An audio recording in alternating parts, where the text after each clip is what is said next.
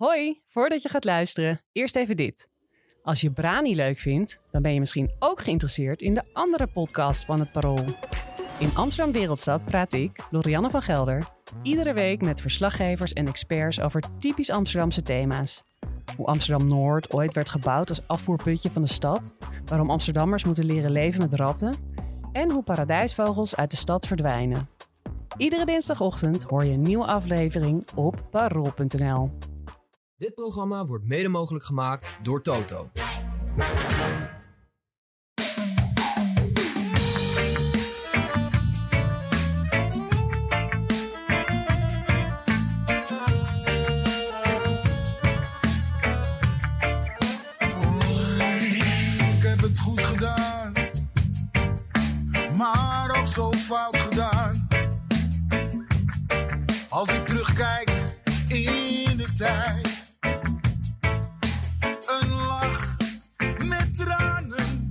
Maandag 30 oktober is de dag die weinig Ajaxiden nog eens verwachten mee te maken.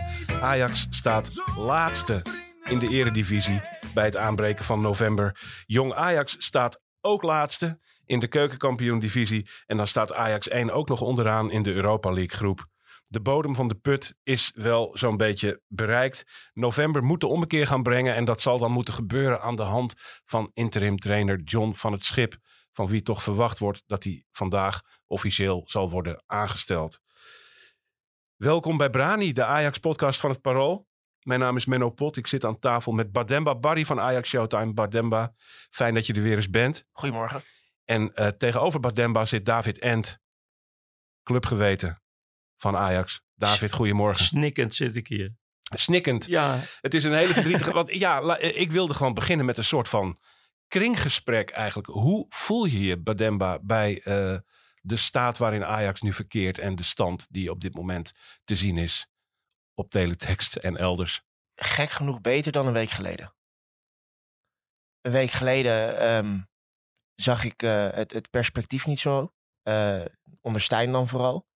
Ehm, en ik denk dat je in twee wedstrijden onder Maduro, als je de resultaten even wegdenkt, hoe moeilijk dat als Ajax ziet ook is, ehm, toch wel weer perspectief gezien hebt. Eh, en toch gezien hebt dat deze selectie wel degelijk kan voetballen. Eh, en ik denk dat als je voortborduurt op de eerste helft tegen PSV, eh, dat er dit seizoen echt nog wel mooie dingen in het verschiet liggen. Ja. David, wat betekent die achttiende plaats voor jou? Weet je, Menno, het is een hallucinante ervaring. Want eh, je weet dat het kan gebeuren, ook vooraf. Ik was toevallig eh, ook bij, eh, bij een andere wedstrijd, eh Volendam. Eh, en ik heb Ajax eh, daarna natuurlijk ook eh, bekeken. De ploeg die door winst over Ajax heen sprong. En daar, daar, daar, daar kwam een sfeer los in dat stadion. En die was bijna ook hallucinant, want ze stonden boven Ajax op de 16e plaats. En Ajax stond 18e. En weet je, ik had me er een beetje tegen gewapend. Want je, je kan er niet op rekenen dat je van PSV gaat winnen. Hoe dichtbij die zege uiteindelijk dan ook was. En toch, ondanks die bewapening die ik voor mezelf had, eh, had neergezet, deed het vreselijk veel pijn. Het was echt heel verdrietig. Ik was echt meer dan ooit down daarvan. En dat, had, eh, de, dat refereerde niet aan het getoonde spel, maar alleen al aan die positie, die keiharde zwart op wit positie, 18e plaats in de eredivisie. En weet je, dat is Ajax nog nooit, nog nooit, nog nooit overkomen. Dus het was historisch en dat is eh, wel grappig om dat mee te maken. Maar het- voor mij was het helemaal niet grappig. Nee. Echt, ik was down. Ja. Ja. Ja, ik voel dat ook wel een beetje. Gewoon zo. Het is een heel vernederend moment. En ook die drie standjes bij elkaar zo. De eredivisie, keukenkampioen-divisie en dan ook nog die Europa League groep. Het is wel gewoon echt, ja, confronterende kan het eigenlijk niet. Eh, tegelijkertijd is er natuurlijk de relativering dat Ajax nog twee wedstrijden in te halen heeft. Waarvan er eentje al bijna is gewonnen. Daar moeten nog zes minuten van gespeeld worden in Waalwijk. En eh, ja, stel dat die twee wedstrijden in winst eindigen, dan sta je ineens een heel stuk hoger. Zo klein zijn de verschillen ook weer. Eh, dus die, die 18e plaats is misschien een beetje een vertekend soort momentopname. Waar vooral Ajax-haters heel veel plezier aan kunnen ontlenen. Eh, maar hij staat er voorlopig wel. En dat doet, eh, dat doet natuurlijk pijn in elk eh, Ajax-hart. Ehm, vandaag gaan we dan waarschijnlijk krijgen de aanstelling van John van het Schip. Zometeen gaan we naar PSV Ajax, die wedstrijd. Maar eerst even van het schip. Wat, wat is jouw gevoel bij die aanstelling, Bademba, die op dit moment tijdens opname nog niet officieel is bevestigd door Ajax, maar dat waarschijnlijk vandaag wel gaat worden? Ja, ik, eh, ik heb er eigenlijk niet zo heel veel gevoel bij. Eh, het is een Ajax-man, dus voor het eh, tussen aanhalingstekens Ajax-DNA is het goed. Het is een bekend gezicht, dat is in principe altijd prettig. Alleen het is geen trainer eh, met een enorme staat van dienst eh, qua cv. Dat hoeft ook niet. Dat was Ten Hag ook niet toen hij binnen, bij Ajax binnenkwam. Ehm, maar ik, vind het lastig om, om van schip te peilen en om daar nu verwachtingen of, of hoop over uit te spreken. Ik hoop eigenlijk vooral dat Maduro aanblijft eh, en dat Maduro een significante rol houdt onder van het schip. Want wat ik van Maduro heb gezien in een paar trainingssessies plus twee wedstrijden, ben ik erg van onder de indruk geraakt. Ja. Ja. Jij, David? Nou, ik vind het eh, eh, niet onlogisch, de keus. Hij is eh, vrij. Dat is een van de belangrijkste factoren natuurlijk voor een trainer. Om Ja. aangesteld te kunnen worden. Hij heeft voldoende Ajax-identiteit in zich. Ik kan me herinneren dat hij eh, toen Van Basten opstapte... heeft hij één keer één wedstrijd het eh, team geleid... En toen had ik een eh, persoonlijk gesprek met hem daarna eigenlijk. En hij was een beetje verbolgen bijna. Zeer teleurgesteld dat hij niet de kans kreeg om het elftal in handen te nemen. Ik denk dat het toen ook nog enigszins te vroeg was. Na het uiteindelijke debakel met Van Basten. Maar hij toonde wel die enorme ambitie om, om wel trainer te zijn. En jij heeft natuurlijk daarna behoorlijk wat eh, clubs en, ook nationale elftallen onder zijn hoede gehad. Dat, dat vormt je ook. Dat geeft je in elk geval een, een brede laag. Of je nou wel of niet heel erg succesvol bent. Je kent de dynamiek van het eh, trainerschap. Je weet wat er allemaal bij komt kijken. Je weet dat het bij Ajax allemaal in het kwadraat is. Zo niet tot de derde macht verheven.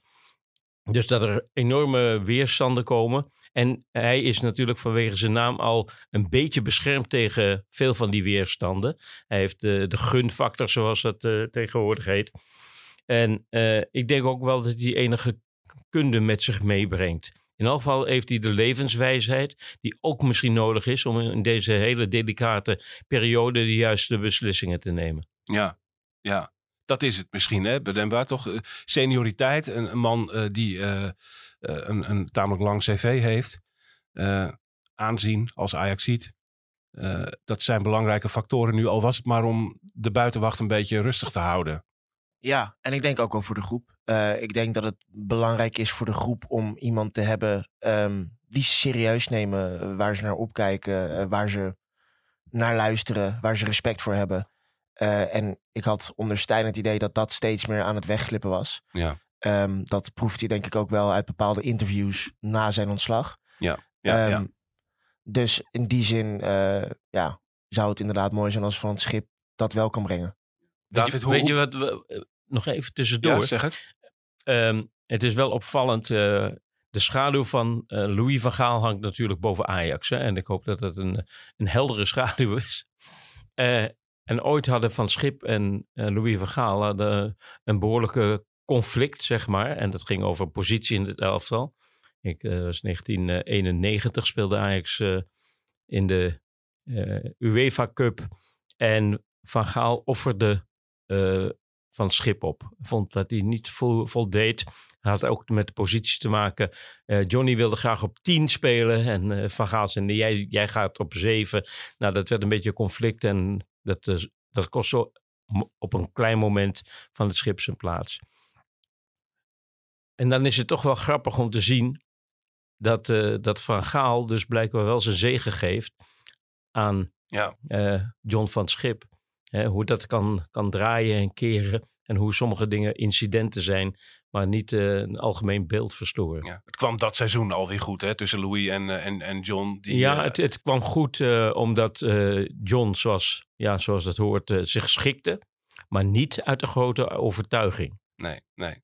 En hij vertrok vervolgens naar de prachtige club Genoa in Italië. Een mooie transfer in die tijd voor, eh, voor John van het Schip. Nadat hij met Ajax de UEFA Cup had gewonnen. Ja, nou, precies. Dat, eh, dat eh, was een soort van happy end. Hopelijk krijgt het dat nu ook.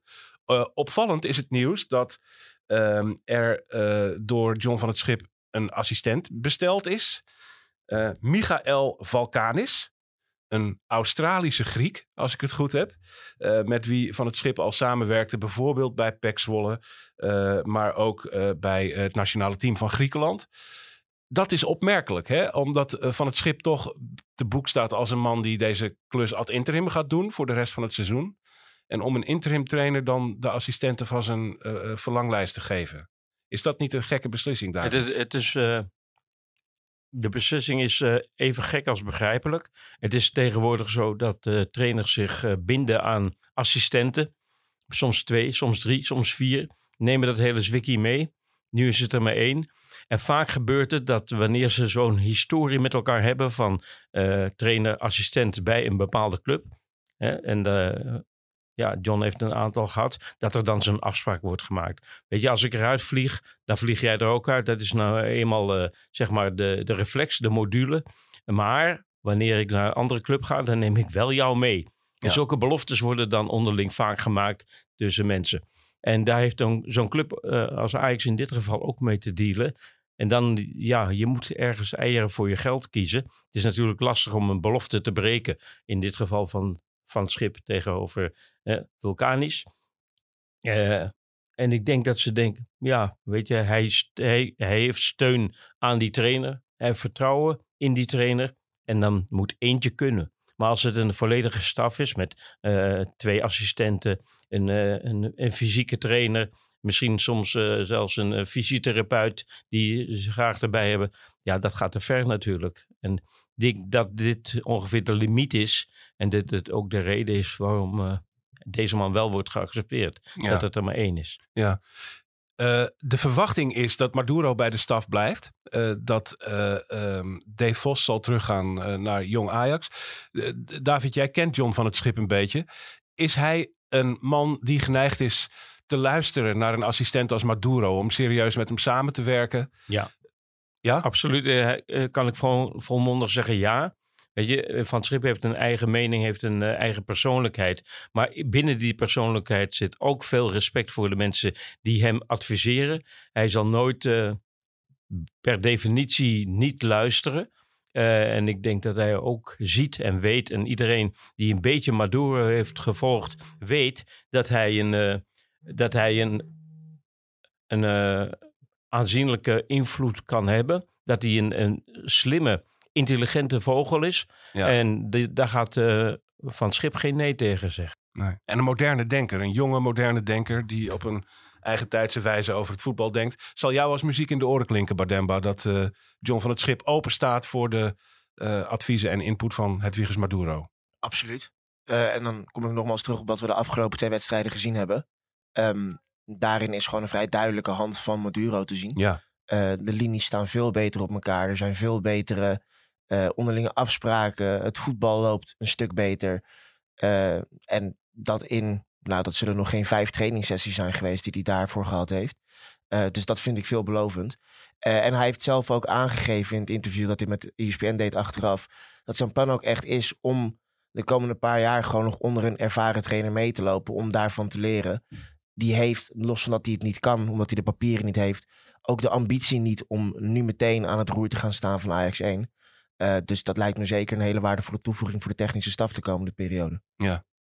Ja, het is mooi om te zien, toch wel, dat je, je, je bent altijd geneigd om te denken, een interim trainer die het zo even boem eh, van het een op het andere moment moet overnemen van een ontslagen hoofdtrainer, eh, die kan niet zoveel bewerkstelligen. Maar eigenlijk valt juist op dat je in hele korte tijd, bijna geen tijd, best wel iets kunt doen. Want Ajax oogde onder Maduro eigenlijk direct anders. Nou, dat vond Dan ik, dat onderstaan. vond ik moet, moet ik iets tegen inbrengen. Dat want mag, ik, doe dat. Ik vond dat eh, tegen, tegen Brighton, Brighton absoluut niet het geval.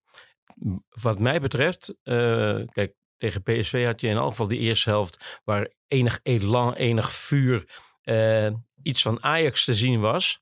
En dat resulteerde in veel kansen die helaas gemist werden. Maar tegen Brighton, toen dacht ik, dit is helemaal niet Ajax. Ik was echt blij dat Ajax in zwarte shirts met zwarte broeken, zwarte kousen speelde. Dan kan ik later zeggen, nee, het was Ajax niet. Dit was totaal Ajax niet, wat je zag tegen Brighton. Dat vond ik een dieptepunt. Weet je, de angst, de voorzichtigheid waarmee werd gespeeld.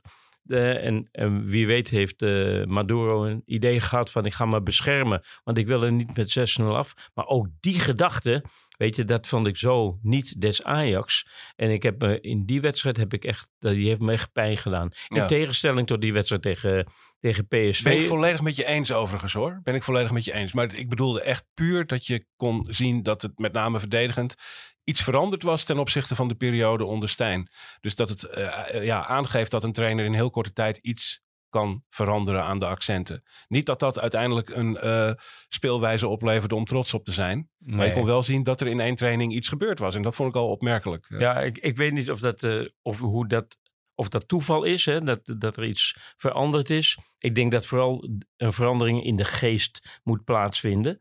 Hè, want eh, het zijn allemaal redelijk goede voetballers.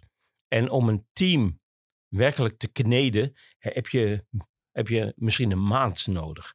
En je kan niet in deze situatie een maand lang alleen maar focussen op het, eh, het vormen van je elftal, het kneden van je, of boetseren van je elftal. Je, je moet opportunistisch denken, want je moet de volgende wedstrijd zien te winnen. Dus dat is heel erg lastig. En ik hoop dat wat jullie zien, dat het inderdaad zo is. Ik zag het niet zo, hè, dat, eh, dat het team eh, meteen wat anders speelde eh, wat, dan, dan voorheen. Want ik zag dezelfde ook met name de individuele fouten gemaakt worden door diverse spelers. Ja. En ook dat, het maken van individuele fouten, heeft gek genoeg ook met collectief te maken. Eh, hoe anderen zich verhouden tot jou, waar je komt te staan. En natuurlijk de grote, de grote belangrijke factor is de psychische factor. Hè, want met wat voor een ja, eh, instelling, geest en hart ga je het veld in? Is dat een trill- trillend van angst? Eh, en voor, vol voorzichtigheid? Of is het zoals Ajax hoort te spelen met bravoer en vuur? een fenomenaal mooi bruggetje naar de wedstrijd, PSV Ajax. Eh, de tweede onder leiding van eh Hedwiges Maduro. Eh, want wat zagen we daar in de eerste helft? Een Ajax waarvan je kunt zeggen dat het met hart speelde en met een zekere dosis lef. Verrassend wel, toch? We hadden er eigenlijk niets van verwacht. Ik denk dat ik dan wel namens zo ongeveer alle Ajaxiden spreek als ik dat zeg. Eh, maar Ajax kwam daar wonderwel goed voor de dag in Eindhoven eh, in de eerste helft. Eigenlijk direct vanaf de aftrap. Ehm Bademba, waar zat hem dat in? Kun jij eens iets zeggen over bijvoorbeeld de opstelling die het veld inging... en wat je daarbij dacht op het moment dat je hem zag?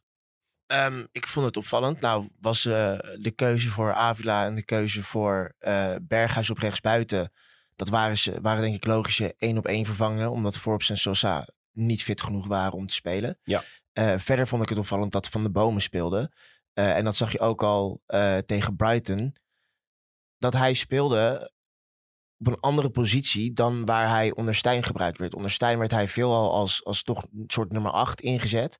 Eh, en Maduro liet hem nu tot twee keer toe heel expliciet als diepe uitzakkende zes spelen. Waarin hij eigenlijk als een soort ja, Lasse Schöne, zeg maar, Ja. onder Erik ten Hag... Ja. eh, zich bemoeide met de opbouw, eh, het spel verdeelde... eh, veel meer de dirigent was. Dat En- kan hij met zijn passing. Precies. En dat is een rol die hem duidelijk op het lijf geschreven is. die, waar hij zich duidelijk veel beter in thuis voelde. En dat leverde zeker in de eerste helft. Leverde dat ook gewoon heel goed voetbal van achteruit op. Ja, ja. dat is een, een heel belangrijk punt. Van de Bomen in een nieuwe rol als Lasse Schöne van zijn tijd. Ja, hij wordt, hij wordt daar in zijn kracht gebracht. En op een andere positie zie je veel meer zijn zwaktes. Want hij is natuurlijk niet explosief, hij is niet supersnel. Maar hij kan vanuit die, eh, zeg maar, die... eh, eh, als stuurman op het achterdek hè, kan hij de, de boels eh, richting geven. En is hij niet zo afhankelijk van, eh, van de, de korte sprints die je moet maken om eh, aan te sluiten, bij te sluiten. Kan hij het beter overzien. En dat, dat is van de bomen op zijn, op zijn sterkst. En dat is niet iets van vandaag of gisteren. Zo speelde hij in de jeugd ook. Als we naar de rest van die opstelling kijken. eh, jij zei net Berghuis als vervanger van Forbes. Wat die één op één ook inderdaad was. als, als rechtsbuiten. Je zou ook kunnen zeggen dat de opstelling van Ajax iets weg had van een 4-4-2. Met Brobby en Bergwijn voorop. Bergwijn, Bergwijn veel naar het midden komend. Eh, dus daar had het af en toe ook iets van weg. Eh, een, een wat hangende eh, rol voor, voor Berghuis op rechts. Ehm, hoe, hoe werkte dat voorin? Nogmaals, in de eerste helft ook best goed. Ik denk oprecht dat dit, nou, je zegt zelf, nou, Berghuis speelt niet helemaal als rechtsbuiten. Niet als een soort klassieke Ook weer een rechtsbuiten. beetje wel. Het is, ja, Ehm, ja. Maar Berghuis heeft zijn beste wedstrijden voor Ajax natuurlijk vanaf het middenveld gespeeld. Eh, voornamelijk op 10 en sommige wedstrijden op 8. Op rechtsbuiten is het eigenlijk vaker eh, tegengevallen dan dat het goed was. En met vaak een noodgreep ook, hè? Ja, maar Ja. je zag eigenlijk dat dit is denk ik de eerste keer dat ik Berghuis gewoon langere tijd goed als rechtsbuiten heb zien spelen ook. Eh, ik denk dat daarin komt Van de Bomen ook weer terug. Die zet regelmatig een bergwijn op links of een berghuis op rechts vrij. Ehm, die dan vervolgens weer door konden combineren. Eh, en zeker in de combinatie bij Vlagen met Guy voorin in de eerste helft leverde dat gevaarlijke momenten op. Bijvoorbeeld eh, na, kort na de 1-1 ook kreeg Linsson natuurlijk een enorme kopkans. Ja. Eh, die ontstond uit een goede combinatie. oh tussen, had erin gemoeten. Dat was, ja. had meer naar de hoek moeten sturen. Maar Ja. dat, dat ontstaat uit een, een goede combinatie. Waar een Berghuis het balletje vasthoudt, naar binnen trekt. Guy overlapt, Berghuis geeft mee. En Guy geeft een goede voorzet die Linsson dan binnen moet koppen. Ja. Dus je zag daarin dat het eh, voorin, zeker met Bobby ook als aanspeelpunt. Hij moet zijn kansen afmaken, absoluut. Had eigenlijk gewoon drie keer moeten scoren. Maar als aanspeelpunt, dat was hij onder Stijn eigenlijk al best goed. En zeker nu in een beter draaiend elftal, zag je dat Bobby daarin gewoon enorm goed functioneerde. En ja, dat gaf ook een Linson die achter hem stond, die goed was in zijn loopacties, goed in het bespelen van de ruimtes. De kans om daar overheen te komen. Dus dat, ja, was nog niet perfect, maar je zag wel een, een soort geheel ontstaan daarvoor in. Ja, ja, David, die wil ik even aan jou voorleggen. Brobby als spits. Die eh, eh, eigenlijk, volgens mij was het binnen een minuut of binnen twee minuten al eh, alleen voor de keeper kwam. die kans miste. Later nog een, wat ze in Engeland een sitter noemen, naast het doel drukte voor een leeg doel eigenlijk met zijn linker. Eh, dus had beter met de kansen op moeten springen, dat is evident. Maar is hij een goede spits? Hij kan een hele goede spits zijn. eh, zeker wanneer hij in de Engelse Championship of misschien wel de Premier League eh, speelt bij, eh, bij kleinere clubs. Bij Ajax wordt meer gevraagd dan alleen maar heel hard werken en een goed aanspeelpunt zijn. Bij Ajax, een spits van Ajax, daar kan je van, moet je van verwachten dat hij het technische raffinement heeft. De kalmte, de koelte, de, de slimheid om een, om een seconde in deeltjes te hakken en daar sneller in te kunnen denken dan zijn tegenstander. Ik zie dat niet bij hem. Ik zie bij hem die goede wil en ik zie eh, de fysieke kracht en het, eh, en het rennen. En dat levert eh, af en toe succes op. Maar het rendement is natuurlijk veel te laag. En dat is niet iets van één wedstrijd. Dat, dat is eigenlijk al, zolang hij bij Ajax in het eerste elftal speelt, zie je dat terug. Ja. Ik heb hem natuurlijk in de jeugd, hè, ook in de jongere jeugd, veel zien spelen. Toen was dat surplus aan kracht, wat hij nog steeds wel een beetje heeft, was, eh, werd gemeten in, in makkelijkere wedstrijden. Hè? En hij scoorde toen ook eh, meer. Maar Ja. dit is hoog niveau. En op, voor dit allerhoogste niveau komt hij wat mij betreft als echte Ajax-spits wat tekort. En ik vraag me af of dat eh, in te halen is. Ehm, ik hoop het wel. Maar raffinement en, en, en, en die kalmte die je moet hebben. Natuurlijk refereren we bij Ajax aan, aan topspitsen die we ook hebben gehad. Maar, en dat is niet helemaal eerlijk, want het is geen Van Basten. Dat is natuurlijk extreme eh, kwaliteit. Maar je- je mag iets meer verwachten van een echte Ajax-spits. En ik denk dat, eh, dat er ook in Nederland wel spitsen zijn die op die plek misschien nog wel beter kunnen renderen dan Brian Brobby. Dus geen onverdeeld fan. Eh, ik, ik moet zeggen, ik sta aan de kant van David daarin. Eh, en dan is het opvallend dat we onze vriend Miko Tatsen zo weinig zien spelen hè, bij Ajax. Die toch echt een spits is. Tot nu toe daar niet mag invallen als hij bij Ajax in het veld komt. Als hij in het veld komt, dan komt hij over het algemeen van de zijkanten. Dat is het, het eh, voor de hand liggende alternatief om eens een keer als spits te proberen. Ja, eens. Eh, ik heb daar eh, kort na zijn komst heb ik ook enkele journalisten uit België over hem gesproken, waar hij twee jaar gespeeld heeft. En die waren juist eigenlijk op dat vlak waar Bobby nu tekort schiet, zo, zo duidelijk, hè, rendement, waren ze lyrisch over hem. Die zeggen, die zeiden echt, ja, geef hem een halve kans en hij scoort. Dus ik ben heel benieuwd naar hem. Het is precies wat je zegt, hij heeft nog geen kans gehad echt in de spits. Ehm, ik weet niet of gisteren Ehm, omdat je eigenlijk zo relatief snel al die doelpunten om de oren krijgt. En het Ik vond het dus voetballend met Bobby voorin. Vond ik het eigenlijk wel goed lopen. Weet ik niet of gisteren het Dat ideale de eerste was helft, ja. eh, Ja. om, om hem dan te brengen. Ehm, maar ik denk dat eh, hem een keertje in de basis zetten... of hem een keer een fatsoenlijke invalbeurt in de spits geven... Ja, dat eh, lijkt me een kwestie van tijd voordat dat een keer gaat gebeuren. Ja, maar het, ja, ik, ik, volgens mij, ik zou vreselijk gefrustreerd zijn als ik die jongen was. Want hij, eh, van, van de twaalf uh, Mislintat nieuwelingen, krijgt hij eh, op, op, op eh, manswerk na ongeveer de minste minuten. En nooit als spits. Ik zou echt onderhand gek worden eh, eh, op die bank. Maar goed, dat is eh, even een stukje psychologie van Miko Tatsen. Het is, het is jammer dat eh, in deze situatie heb je geen tijd om te experimenteren. Maar bij jong Ajax, hoe slecht ze misschien ook presteren, en dat is niet zo gek eh, voor een jong team in die afdeling, alleen die laatste plaats, dat, eh, dat schijnt natuurlijk. Maar je hebt ook, eh, je hebt ook Rasmussen daar. En dat is een speler met wel veel raffinement, met veel stijl, veel mogelijkheden. Ja. Een ander soort spits dan, dan Bobby. Misschien niet zo'n zo'n werker, niet zo'n holler, maar wel een hele, hele scherpe.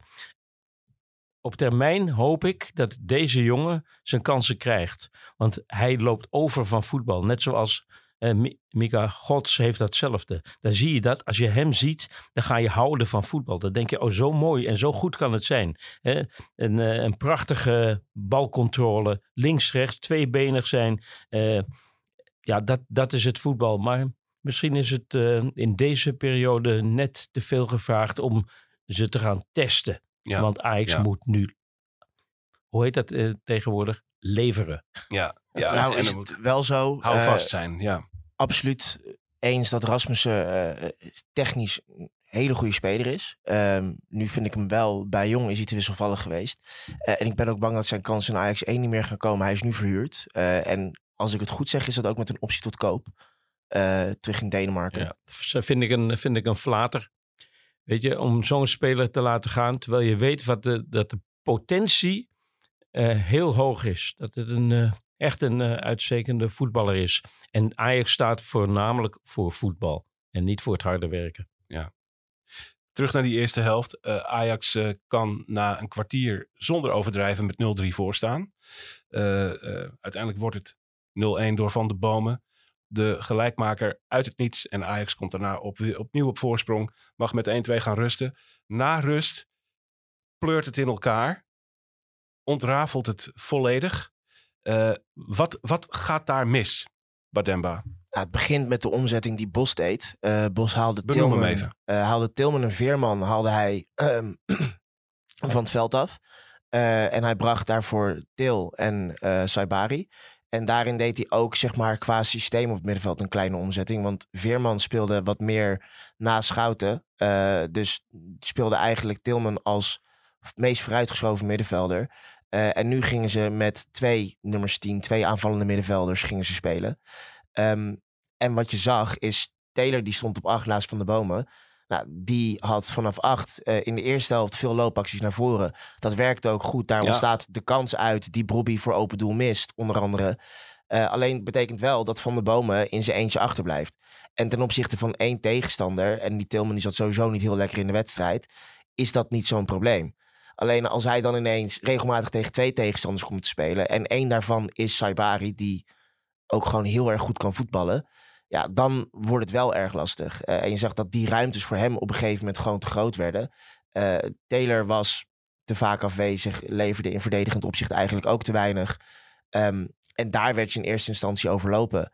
En als je dan ook nog die individuele fouten gaat maken bij meerdere doelpunten. eh, een Lozano die de afgeslagen voorzet van Til eigenlijk met zeeën van ruimte op kan vangen en kan uithalen. Ehm, bij de 3-2 ook een Saibari die eigenlijk zo door kan lopen. Soetelo die de bal zo inlevert bij de 4-2. Dat helpt natuurlijk allemaal niet. Valt maar niet tegenop te voetballen ook, hè? het, het ontstaat allemaal wel uit ehm, eigenlijk onderbezetting op het middenveld. En, en daarin eh, misschien kritiekpuntje richting Maduro. Denk ik dat het, hoe lastig zo'n beslissing ook is op zo'n moment, goed was geweest om na die 3-2, op het moment dat je ziet dat je overloopt wordt op dat middenveld, toch Vos te brengen. Want het is natuurlijk een risico. Vos is een verdedigendere speler. eh, om zonder zo'n jongen te beginnen. Zonder Vos, zonder Tahirovic. Maar op het moment dat je dat ziet, had ik eigenlijk Vos gebracht voor Taylor. Eh, en zelf wat meer met een dubbele zes gaan spelen. Ja. Nu kwam Vos pas later in het Ja. veld, eh, toen het eh royaal te laat was. Eigenlijk de, om, de ommekeer in de tweede helft voltrok zich binnen een minuut of zeven, acht. Toen was het eh, eh, volledig omgedraaid. En daarna eh, kwam het ook niet meer goed. En En dan er zit, ook... ook, er zit een frank puntje aan, hè? Dat, eh, want dat, eh, dat wordt ook benoemd, dat de actie van Peter Bos het verschil maakt. Ja. En hoe dicht was Peter Bos bij het trainerschap van Ajax? Weet je, dat zijn toch hele belangrijke dingen. De- Deze eh, ingrepen hebben daadwerkelijk invloed op het spel. Ja, Hè, en dus op het resultaat. en de ironie is dan dat Peter Bos door veel Ajaxiden werd weggezet als een man die geen plan B heeft. Wat ik destijds al flauwekul vond, want dit soort ingrepen deed Peter Bos bij Ajax ook. Eh, dit soort ingrepen probeerde hij ook in de finale tegen Manchester United, waar, waar uiteindelijk die, eh, die geen plan B-reputatie grotendeels op gebaseerd is. Eh, alleen bij een plan B is het natuurlijk niet, ook niet gezegd dat het ook altijd werkt. Het werkte in die, op Dat- die dag dat duidelijk is ook niet. Zo. En Maar- het, het toont ook een beetje de broosheid, hè, ondanks al die eh, positieve impulsen die we in de eerste helft kregen. Ja. De broosheid van het team, dat er dus binnen dat team ook niet een maatregel wordt getroffen tegen die wisseling. Hè, en, het is, ik vind het van Bos dapper dat die eh, Veerman, die toch international is, maar toch ook een beetje een weekdier in het, in het veld. Niet iemand Ja. die, die onderuit de kan Die Joey Veerman is een weekdier. Mooi. Ga verder, David. Eh, ja, hij is opgevist, eh, die Volendammer visnet. En dat zat Ja. een weekdieren. En dat was hij. Hij kan heel goed voetballen, maar hij, hij, hij moet nog veel beter zijn. En juist in deze aspecten. Maar eh, dat, dat zo'n ingreep wordt gedaan, dat er dus ook niet binnen het elftal, en daar is het elftal nog niet rijp genoeg voor, nog niet klaar voor, te veel bezig met individueel zichzelf om overeind te blijven, om daar iets tegen te doen. Eh, Ja. dat er iemand is die dat signaleert, ziet, misschien contact heeft met de bank, en wat gaan we doen? Of een maatregel nemen en zeggen, nou blijf jij eh, eh, 20 meter eh, meer naar achter spelen, want dit gaat mis. Ja, dat zelfregulerend vermogen is er ten ene niet in het huidige Ajax-elftal. Daar ontbreekt de ervaring en de communicatie voor. Blijkbaar is het er dus bij Maduro ook niet. Ja, ehm, kijk, nogmaals, ik kan me heel goed voorstellen. Is voor Maduro is dit zijn tweede wedstrijd aan het roer als hoofdtrainer van een club in betaald voetbal. Laat staan eh, Ajax. Laat staan Ajax in deze fase. Ehm, je hebt een plan dat je eigenlijk 45 minuten lang uitstekend ziet werken. Ehm, en dan gaat het 10 minuten gaat het mis. En dan gaat het natuurlijk ook meteen finaal mis. Maar dan kan ik me wel voorstellen dat je als onervaren trainer op zo'n moment langs de zijlijn in de heat of the moment. Ja, niet meteen die beslissing neemt. Niet meteen die knoop door wil, slash kan, slash durft te hakken. Dus ah, was dit een meer ervaren trainer geweest, dan had ik het kwalijker gevonden. Ja, Ehm, ja, Ik denk dat het voor nu, voor Maduro, vooral een leermoment is. ja. Ik speel daar advocaat van de duivel, want ik verwijt Ja, hem ook Ik niet. ben het eh. eh, helemaal eens met uh, Bademba. Ja, Weet zeker. je, dat is een, een, een moeilijke positie. Eh, je onderscheidt je wel wanneer je dat wel doet. Maar zonder dat het meteen een garantie biedt dat het heel anders afloopt natuurlijk. Hè? Dat weet je ook niet. Mhm. maar ook, ook Maduro zit op de bank niet alleen. Er zitten mensen naast hem. Dus dat is een, een collectief wat bezig is met de tactische formules. En dan denk je, ja, het is zo goed gegaan in de eerste helft. Dat kan terugkomen. En dan hou je daaraan vast. Ja, ik, eh, ik begrijp het wel. Maar de uitslag zegt dat het jammerlijk is. Ja. Bademba, wat ik nog even aan jou wilde voorleggen. Eh, we hebben eh, in, eerder in dit seizoen Avila zien spelen als linksachter. Toen werd er massaal geroepen, dat moet niet meer. Eh, die moet alleen nog als linker centrale verdediger spelen. En toen werd er ook een paar keer zelfs Hato naar de linkerflank geschoven. Nu speelde Avila weer wel als linksachter. En had het verschrikkelijk zwaar. Tegen Bakayoko met name. Eigenlijk in de eerste helft al. Misschien was hij in de eerste helft bij uitstek de Ajax die niet voldeed. Een van de weinigen die niet voldeed. Ehm, hoe kijk jij naar hoe hij gebruikt is door Maduro? Ja, ehm, nou, ik moet zeggen dat ik hem voor rust. Hij had het heel zwaar met Bakayoko, laat ik dat voorop stellen. Eh, stond een aantal keer slecht gepositioneerd. Eh, in de 1 op 1 met Bakayoko verloor hij eigenlijk iedere keer. Alleen ik vond hem in de eerste helft wel gek genoeg hoopgevend spelen. Dat is misschien ook een beetje supportersperspectief. Ik stond zelf in het uitvak, dus Eh, je, zit dan, Ah, je zit dan ook niet zeg maar, van achter een tv analytisch te kijken waarin je iedere herhaling terugziet. Maar ik zag dingen bij hem, die heb ik eerder dit seizoen ook al gezien. Hij heeft wel een inspeelpaas. Eh, hij heeft een, een goede tackle. Hij heeft een bepaalde gedrevenheid. Hij heeft een, een steekpaas. Eh, hij heeft een lange bal in de benen. Die dingen die zitten er wel in. Alleen het komt er verhoudingsgewijs nog te weinig uit. Zeker ten opzichte van eh, wat er tegen PSV allemaal fout ging. Ehm, dus ja, ik, ik zie hem in die zin een beetje als een ongepolijste speler. Die je rustig moet brengen. Die je, mijn zin niet meteen in de basis zou moeten gooien. Alleen, ja, nu had je niet heel veel keuze. eh, omdat Sosa geblesseerd is. eh, je Hato het liefst in het centrum wil houden. Dan moet je kiezen tussen Saladin of Avila. Nou, dat is een keuze die mijn zin een beetje om het even is op dit moment. Want Saladin zag er bij zijn invalbeurt, eh invalbeurt ook niet heel goed uit tegen Bakayoko. Nee, nee. Ehm, toen was de, de dijk inmiddels doorbroken en viel er niks meer te doen. Ja, maar ik, ik wil hem dus niet afschrijven. Eh, en ten opzichte van Sosa moet ik zeggen dat ik hem voetballend meer goed heb zien doen, meer toe heb zien voegen ehm, dan Sosa. Sosa heeft een geweldige voorzet. Daar is al een paar keer een doelpunt uit ontstaan. Dat is een enorm wapen. Alleen ik vind Sosa voetballend van achteruit in de combinatie ja, eigenlijk nog best wel teleurstellen. En Minder dat- dan Avila ook. Ja, en nou, dat kan nog komen. Eh zelfs dat het bij Avila nog kan komen. Eh, ik denk dat beide backs op dit moment nog niet eh, voldaan hebben aan de verwachtingen slash het prijskaartje dat om hun nek hangt. Ehm, en dat geldt voor denk ik iedere speler. Die hebben een enorm lastige periode gehad onder Stijn. Zowel tactisch als mentaal. Ehm, dat moet groeien, wat David ook zegt. Onder zo'n nieuwe trainer heb je eigenlijk gewoon een maand nodig... voordat je daar echt een, een goed team van hebt weten te smeden. Ehm, dus ik denk dat je in de winterstop zinnigere dingen kunt zeggen over wie nou eh, eh, een geslaagde aankoop lijkt, wie nou een miskoop lijkt, hoeveel potentie iedere aankoop heeft. Ja. Ehm, maar ik wil Avila zeker nog niet afschrijven op basis van gisteren. Nee. Ondanks dat ik hem niet goed vond spelen over de hele wedstrijd genomen. Maar ja, ook, ook daarin, we noemen, sorry, we noemen namen. Hè? En of het nou Gaai is, of eh, Avila, of, eh, of Sosa, eh Salehedin. Het gaat erom dat het departement van Defensie moet een hechte eenheid zijn. Die moet ook op elkaar afgestemd zijn. En als je je niet zeker voelt of niet in de rug gedekt voelt... omdat de centrale verdediger elders eh, zich bevindt... weet je, al die... eh, principes van verdedigen, dat, dat heeft te maken met die eenheid die je moet vormen. En daar kan je als individu, kan je er soms slecht uitzien, terwijl het eigenlijk ligt aan de samenstelling of aan de, aan de dekking, de rugdekking die je als geheel geeft. En dan is het pijnlijk, want je ziet natuurlijk een individu een fout maken, maar vaak ligt het veel dieper dan alleen maar dat individuele eh, aspect. Nou, en die organisatie die moet nu heel snel gaan komen. Eh, oktober zit erop. Een rampzalige maand voor Ajax. Een van de ergste ooit. Eh, met geen overwinning. Die was er in september overigens ook al niet. Eh, althans niet officieel uitgespeeld uiteindelijk. Eh, oktober geen overwinning. één gelijkspelletje tegen AEK en vier nederlagen. Plus een trainerswissel. En een jong elftal op de laatste plaats. Het was historisch. Dat mogen we wel zeggen. Oktober 2023. Maar nu breekt november aan. Dan ziet het programma van Ajax er anders uit.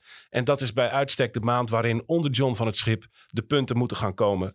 Eh, november brengt Ajax wedstrijden tegen Volendam aanstaande donderdag in eigen huis. Dan thuis tegen Heerenveen.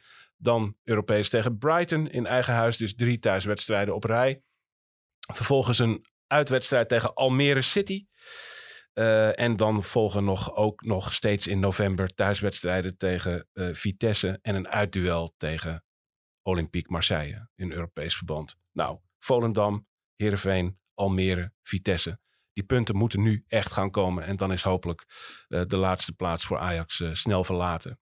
Ehm, we gaan afronden. Ik dank jullie voor jullie komst naar de Johan Cruijffzaal. Bademba, heel leuk dat je er was. Dank je wel voor je duiding, je tactische analyse. David, dank je voor je wijze woorden als altijd. Nee, jij bedankt voor de lichtpuntjes die je toch ziet in november. Nou ja, ik, hè, ik klap eh, me daar eh, volledig aan vast, hè? dat weet je.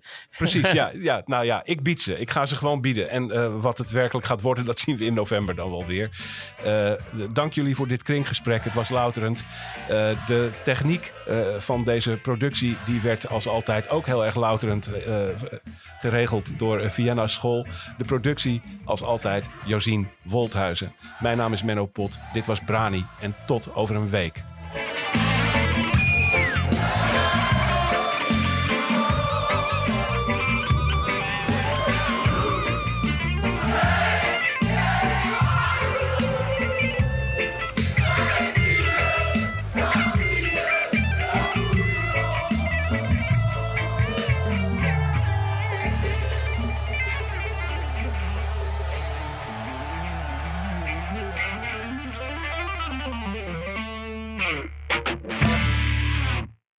Hallo, ik ben Camilla Leupen, hoofdredacteur van Het Parool. Heb je genoten van deze podcast? Dan vind je onze artikelen misschien ook interessant. Een abonnement heb je al voor een paar euro per week. Je kan het ook eerst een paar weken proberen. Ga naar parool.nl slash podcastactie voor een actuele aanbieding. Dag!